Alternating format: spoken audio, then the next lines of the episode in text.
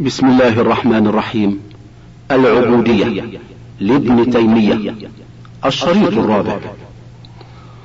فحقيقة المحبة لا تتم إلا بموالاة المحبوب وهو موافقته في حب ما يحب وبغض ما يبغض والله يحب الإيمان والتقوى ويبغض الكفر والفسوق والعصيان.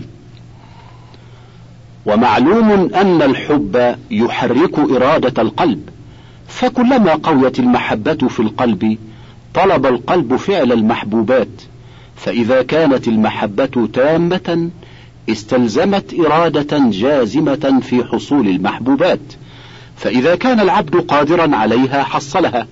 وإن كان عاجزا عنها ففعل ما يقدر عليه من ذلك كان له أجر كأجر الفاعل.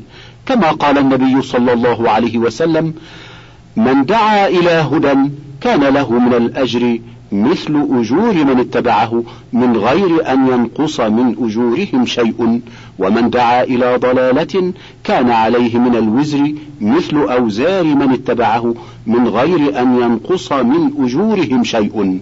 وقال إن بالمدينة لرجالا ما سرتم مسيرا ولا قطعتم واديا إلا كانوا معكم. قالوا وهم بالمدينة؟ قال وهم بالمدينة. حبسهم العذر. والجهاد هو بذل الوسع وهو كل ما يملك من القدرة في حصول محبوب الحق ودفع ما يكرهه الحق. فإذا ترك العبد ما يقدر عليه من الجهاد كان دليلا على ضعف محبة الله ورسوله في قلبه. ومعلوم أن المحبوبات لا تنال غالبا إلا باحتمال المكروهات سواء كانت محبة صالحة أو فاسدة. فالمحبون للمال والرئاسة والصور لا ينالون مطالبهم إلا بضرر يلحقهم في الدنيا مع ما يصيبهم من الضرر في الدنيا والآخرة. فالمحب لله ورسوله إذا لم يحتمل ما يرى ذو الرأي من المحبين لغير الله مما يحتملون في سبيل حصول محبوبهم دل ذلك على ضعف محبتهم لله. إذا كان ما يسلكه أولئك في نظرهم هو الطريق الذي يشير به العقل. ومن المعلوم أن المؤمن أشد حبا لله كما قال تعالى ومن الناس من يتخذ من دون الله أندادا يحبونهم كحب الله. والذين آمنوا أشد حبا لله. نعم قد يسلك المحب لضعف عقله وفساد تصوره طريقا لا يحصل بها المطلوب. فمثل هذه الطريق لا تحمد إذا كانت المحبة صالحة محمودة. فكيف إذا كانت المحبة فاسدة والطريق غير موصل؟ كما يفعله المتهورون في طلب المال والرئاسة والصور. من حب أمور توجب لهم ضررا ولا تحصل لهم مطلوبا وإنما المقصود الطرق التي يسلكها العقل السليم لحصول مطلوبه. وإذا تبين هذا فكلما ازداد القلب حبا له ازداد عبودية وكلما ازداد له عبودية ازداد له حبا وفضله عما سواه. والقلب فقير بالذات إلى الله من وجهين من جهة العبادة وهي العلة الغائية ومن جهة الاستعانة والتوكل وهي العلة الفاعلة. فالقلب لا يصلح ولا يفلح ولا ينعم ولا يسر ولا يلتذ ولا يطيب ولا يسكن ولا يطمئن إلا بعبادة ربه وحبه والإنابة إليه. ولو حصل له كل ما يلتذ به من المخلوقات لم يطمئن ولم يسكن. إذ فيه فقر ذاتي إلى ربه من حيث هو معبوده ومحبوبه ومطلوبه. وبذلك يحصل له الفرح والسرور واللذة والنعمة والسكون والطمأنينة. وهذا لا يحصل له إلا بإعانة الله له فإنه لا يقدر على تحصيل ذلك له إلا الله. فهو دائما مفتقر إلى حقيقة إياك نعبد وإياك نستعين. فإنه لو أعين على حصول كل ما يحبه ويطلبه ويشتهيه ويريده ولم يحصل له عبادة لله فلن يحصل إلا على الألم والحسرة والعذاب ولن يخلص من آلام الدنيا ونكد عيشها إلا بإخلاص الحب لله. بحيث يكون الله هو غاية مراده ونهاية مقصوده وهو المحبوب له بالقصد الأول وكل ما سواه إنما يحبه لأجله لا يحب شيئا لذاته إلا الله. ومتى لم يحصل له هذا؟ لم يكن قد حقق حقيقة لا إله إلا الله ولا حقق التوحيد والعبودية والمحبة لله. وكان فيه من نقص التوحيد والإيمان بل من الألم والحسرة والعذاب بحسب ذلك. ولو سعى في هذا المطلوب ولم يكن مستعينا بالله متوكلا عليه مفتقرا إليه في حصوله لم يحصل له. فإنه ما شاء الله كان وما لم يشأ لم يكن. فهو مفتقر إلى الله من حيث هو المطلوب. المحبوب المراد المعبود ومن حيث هو المسؤول المستعان به المتوكل عليه فهو إلهه الذي لا إله غيره وهو ربه الذي لا رب له سواه. ولا تتم عبوديته لله إلا بهذين. فمتى كان يحب غير الله لذاته أو يلتفت إلى غير الله أنه يعينه كان عبدا لما أحبه وعبدا لما رجاه بحسب حبه له ورجائه إياه. وإذا لم يحب أحدا لذاته إلا الله وأي شيء أحبه سواه فإنما أحبه له ولم يرج قط شيئا إلا الله. وإذا فعل ما فعل من الأسباب أو حصل ما حصل منها كان مشاهدا أن الله هو الذي خلقها وقدرها وسخرها له وأن كل ما في السماوات والأرض فالله ربه ومليكه وخالقه ومسخره وهو مفتقر إليه كان قد حصل له من تمام عبوديته لله بحسب ما قسم له من ذلك. والناس في هذا على درجات متفاوتة. لا يحصي طرقها إلا الله. فأكمل الخلق وأفضلهم وأعلاهم وأقربهم إلى الله وأقواهم وأهداهم أتمهم عبودية لله من هذا الوجه.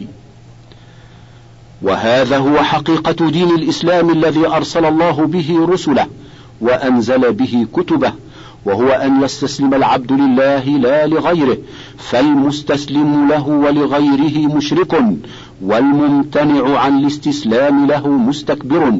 وقد ثبت في الصحيح عن النبي صلى الله عليه وسلم أن الجنة لا يدخلها من كان في قلبه مثقال ذرة من كبر. كما أن النار لا يخلد فيها من في قلبه مثقال ذرة من إيمان. فجعل الكبر مقابلا للإيمان فإن الكبر ينافي حقيقة العبودية. كما ثبت في الصحيح عن النبي صلى الله عليه وسلم أنه قال يقول الله العظمة إزاري والكبرياء ردائي فمن نازعني واحدا منهما عذبته. فالعظمة والكبرياء من خصائص الربوبية والكبرياء أعلى من العظمة ولهذا جعلها بمنزلة الرداء كما جعل العظمة بمنزلة الإزار. ولهذا كان شعار الصلاة والأذان والأعياد هو التكبير وكان مستحبا في الأمكنة العالية كالصفا والمروة وإذا على الإنسان شرفا أو ركب دابة ونحو ذلك وبه يطفأ الحريق وإن عظمه. وعند الأذان يهرب الشيطان قال تعالى وقال ربكم ادعوني أستجب لكم إن الذين يستكبرون عن عبادتي سيدخلون جهنم داخرين. وكل من استكبر عن عبادة الله لا بد أن يعبد غيره فإن الإنسان حساس يتحرك بالإرادة. وقد ثبت في الصحيح عن النبي صلى الله عليه وسلم أنه قال أصدق الأسماء حارث وهمام فالحارث الكاسب الفاعل والهمام فعال من الهم والهم أول الإرادة. فالإنسان له إرادة دائما وكل إرادة فلا بد لها من مراد تنتهي إليه.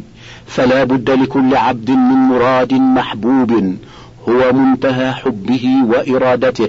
فمن لم يكن الله معبوده ومنتهى حبه وإرادته بل استكبر عن ذلك فلا بد أن يكون له مراد محبوب يستعبده غير الله. فيكون عبدا لذلك المراد المحبوب إما المال وإما الجاه وإما الصور وإما ما يتخذه إلها من دون الله كالشمس والقمر والكواكب والأوثان وقبور الأنبياء والصالحين أو من الملائكة والأنبياء الذين يتخذهم أربابا أو غير ذلك مما عبد من دون الله. وإذا كان عبدا لغير الله يكون مشركا. وكل مستكبر فهو مشرك. ولهذا كان فرعون من أعظم الخلق استكبارا عن عبادة الله وكان مشركا. قال تعالى ولقد أرسلنا موسى بآياتنا وسلطان مبين إلى فرعون وهامان وقارون فقالوا ساحر كذاب.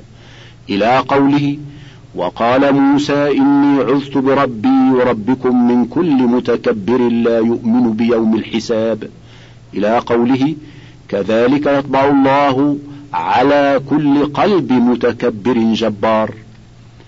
وقال تعالى وقارون وفرعون وهامان ولقد جاءهم موسى بالبينات فاستكبروا في الأرض وما كانوا سابقين. وقال تعالى إن فرعون علا في الأرض وجعل أهلها شيعا يستضعف طائفة منهم يذبح أبناءهم ويستحيي نساءهم. وقال وجحدوا بها واستيقنتها أنفسهم ظلما وعلوا. فانظر كيف كان عاقبة المفسدين. ومثل هذا في القرآن كثير. وقد وصف فرعون بالشرك في قوله وقال الملأ من قوم فرعون أتذر موسى وقومه ليفسدوا في الأرض ويذرك وآلهتك؟ بل الاستقراء يدل على أنه كلما كان الرجل أعظم استكبارا عن عبادة الله كان أعظم إشراكا بالله. لأنه كلما استكبر عن عبادة الله ازداد فقرا وحاجة إلى المراد المحبوب الذي هو المقصود. مقصود القلب بالقصد الأول فيكون مشركا بما استعبده من ذلك. ولن يستغني القلب عن جميع المخلوقات إلا بأن يكون الله هو مولاه الذي لا يعبد إلا إياه ولا يستعين إلا به ولا يتوكل إلا عليه ولا يفرح إلا بما يحبه ويرضاه ولا يكره إلا ما يبغضه الرب ويكرهه ولا يوالي إلا من والاه الله ولا يعادي إلا من عاداه الله ولا يحب إلا لله ولا يبغض شيئا إلا لله ولا يعطي إلا لله ولا يمنع إلا لله فكلما قوي إخلاص دينه لله كملت عبوديته واستغناؤه عن المخلوقات وبكمال عبوديته لله تكمل تبرئته من الكبر والشرك. والشرك غالب على النصارى والكبر غالب على اليهود. قال تعالى في النصارى اتخذوا أحبارهم ورهبانهم أربابا من دون الله والمسيح ابن مريم. وما امروا الا ليعبدوا الها واحدا. لا اله الا هو سبحانه عما يشركون. وقال في اليهود افكلما جاءكم رسول بما لا تهوى انفسكم استكبرتم ففريقا كذبتم وفريقا تقتلون. وقال تعالى سأصرف عن آياتي الذين يتكبرون في الأرض بغير الحق وإن يروا كل آية لا يؤمنوا بها وإن يروا سبيل الرشد لا يتخذوه سبيلا وإن يروا سبيل الغي يتخذوه سبيلا. ولما كان الكبر مستلزما للشرك والشرك ضد الإسلام وهو الذنب الذي لا يغفره الله قال تعالى إن الله لا يغفر أن يشرك به ويغفر ما دون ذلك لمن يشاء ومن يشرك بالله فقد افترى إثما عظيما. وقال إن الله لا يغفر أن يشرك به ويغفر ما دون ذلك لمن يشاء ومن يشرك بالله فقد ضل ضلالا بعيدا. كان الأنبياء جميعهم مبعوثين بدين الإسلام فهو الدين الذي لا يقبل الله غيره. لا من الأولين ولا من الآخرين. قال نوح فإن توليتم فما سألتكم من أجر إن أجري إلا على الله وأمرت أن أكون من المسلمين. وقال في حق إبراهيم ومن يرغب عن ملة إبراهيم إلا من سفه نفسه. ولقد اصطفيناه في الدنيا وإنه في الآخرة لمن الصالحين. إذ قال له ربه أسلم قال أسلمت لرب العالمين إلى قوله فلا تموتن إلا وأنتم مسلمون. وقال يوسف توفني مسلما وألحقني بالصالحين. وقال موسى يا قوم إن كنتم آمنتم بالله فعليه توكلوا إن كنتم مسلمين. فقالوا على الله توكلنا. وقال تعالى إنا أنزلنا التوراة فيها هدى ونور. يحكم بها النبيون الذين أسلموا للذين هادوا. وقالت بلقيس رب إني ظلمت نفسي وأسلمت مع سليمان لله رب العالمين. وقال وإذ أوحيت إلى الحواريين أن آمنوا بي وبرسولي قالوا آمنا واشهد بأننا مسلمون. وقال إن الدين عند الله الإسلام. وقال ومن يبتغ غير الإسلام دينا فلن يقبل منه. وقال تعالى أفغير دين الله يبغون وله أسلم من في السماوات والأرض طوعا وكرها.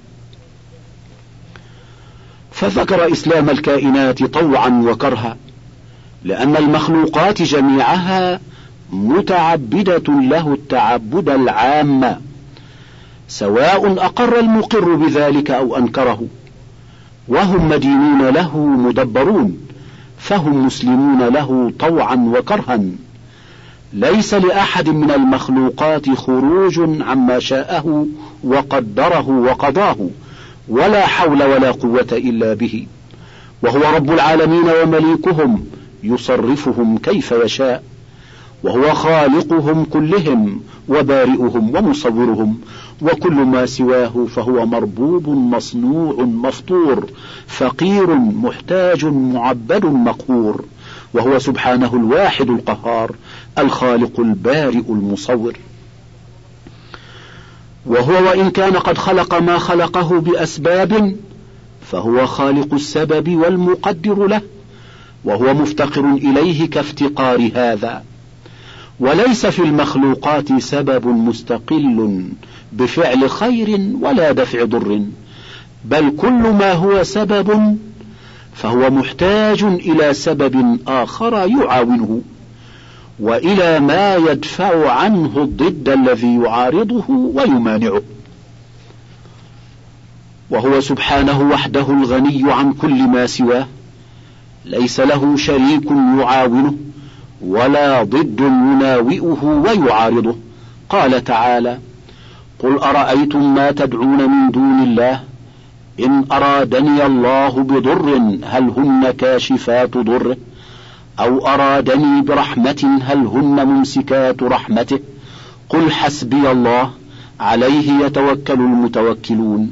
وقال تعالى وإن يمسسك الله بضر فلا كاشف له إلا هو. وإن يمسسك بخير فهو على كل شيء قدير. وقال تعالى عن الخليل يا قوم إني بريء مما تشركون. إني وجهت وجهي للذي فطر السماوات والأرض حنيفا وما أنا من المشركين. وحاجه قومه قال أتحاجوني في الله وقد هدان. ولا أخاف ما تشركون به إلا أن يشاء ربي شيئا. إلى قوله تعالى الذين آمنوا ولم يلبسوا إيمانهم بظلم أولئك لهم الأمن وهم مهتدون. وفي الصحيحين عن عبد الله بن مسعود رضي الله عنه أن هذه الآية لما نزلت شق ذلك على أصحاب النبي صلى الله عليه وسلم وقالوا يا رسول الله أينا لم يلبس إيمانه بظلم؟ فقال إنما هو الشرك. ألم تسمعوا إلى قول العبد الصالح إن الشرك لظلم عظيم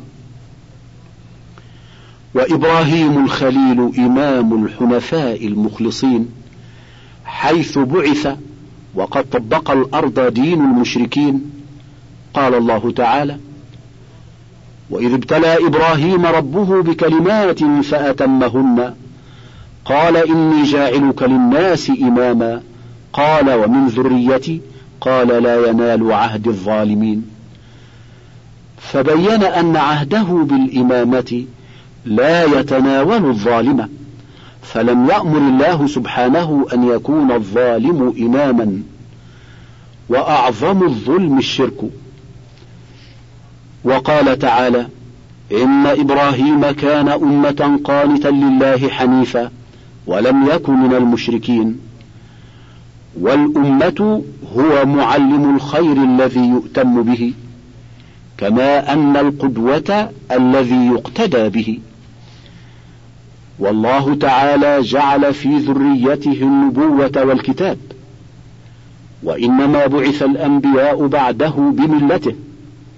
قال تعالى ثم أوحينا إليك أن اتبع ملة إبراهيم حنيفا وما كان من المشركين. وقال تعالى إن أولى الناس بإبراهيم للذين اتبعوه وهذا النبي والذين آمنوا والله ولي المؤمنين. وقال تعالى ما كان إبراهيم يهوديا ولا نصرانيا ولكن كان حنيفا مسلما وما كان من المشركين وقال تعالى وقالوا كونوا هودا أو نصارى تهتدوا قل بل ملة إبراهيم حنيفا وما كان من المشركين قولوا آمنا بالله وما أنزل إلينا وما أنزل إلى إبراهيم وإسماعيل وإسحاق ويعقوب والأصباط إلى قوله ونحن له مسلمون. وقد ثبت في الصحيح عن النبي صلى الله عليه وسلم أن إبراهيم خير البرية فهو أفضل الأنبياء بعد النبي صلى الله عليه وسلم وهو خليل الله تعالى. وقد ثبت في الصحيح عن النبي صلى الله عليه وسلم من غير وجه أنه قال إن الله اتخذني خليلا كما اتخذ إبراهيم خليلا. وقال لو كنت متخذا من أهل الأرض خليلا لاتخذت أبا بكر خليلا ولكن صاحبكم خليل الله يعني نفسه. وقال لا تبقين في المسجد خوخة إلا سدت إلا خوخة أبي بكر. وقال ألا وإن من كان قبلكم كانوا يتخذون القبور مساجدا. ألا فلا تتخذوا القبور مساجدا فإني أنهاكم عن ذلك. وكل هذا في الصحيح. وفيه أنه قال ذلك قبل موته بأيام وذلك من تمام رسالته. فإن في ذلك تمام تحقيق مخالته لله التي أصلها محبة الله تعالى للعبد ومحبة العبد لله خلافا للجهمية.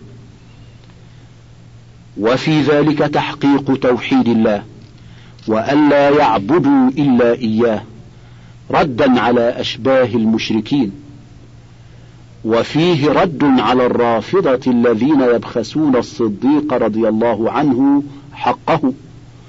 وهم أعظم المنتسبين إلى القبلة إشراكا بعبادة علي وغيره من البشر. والخلة هي كمال المحبة المستلزمة من العبد كمال العبودية لله ومن الرب سبحانه كمال الربوبية لعباده الذين يحبهم ويحبونه.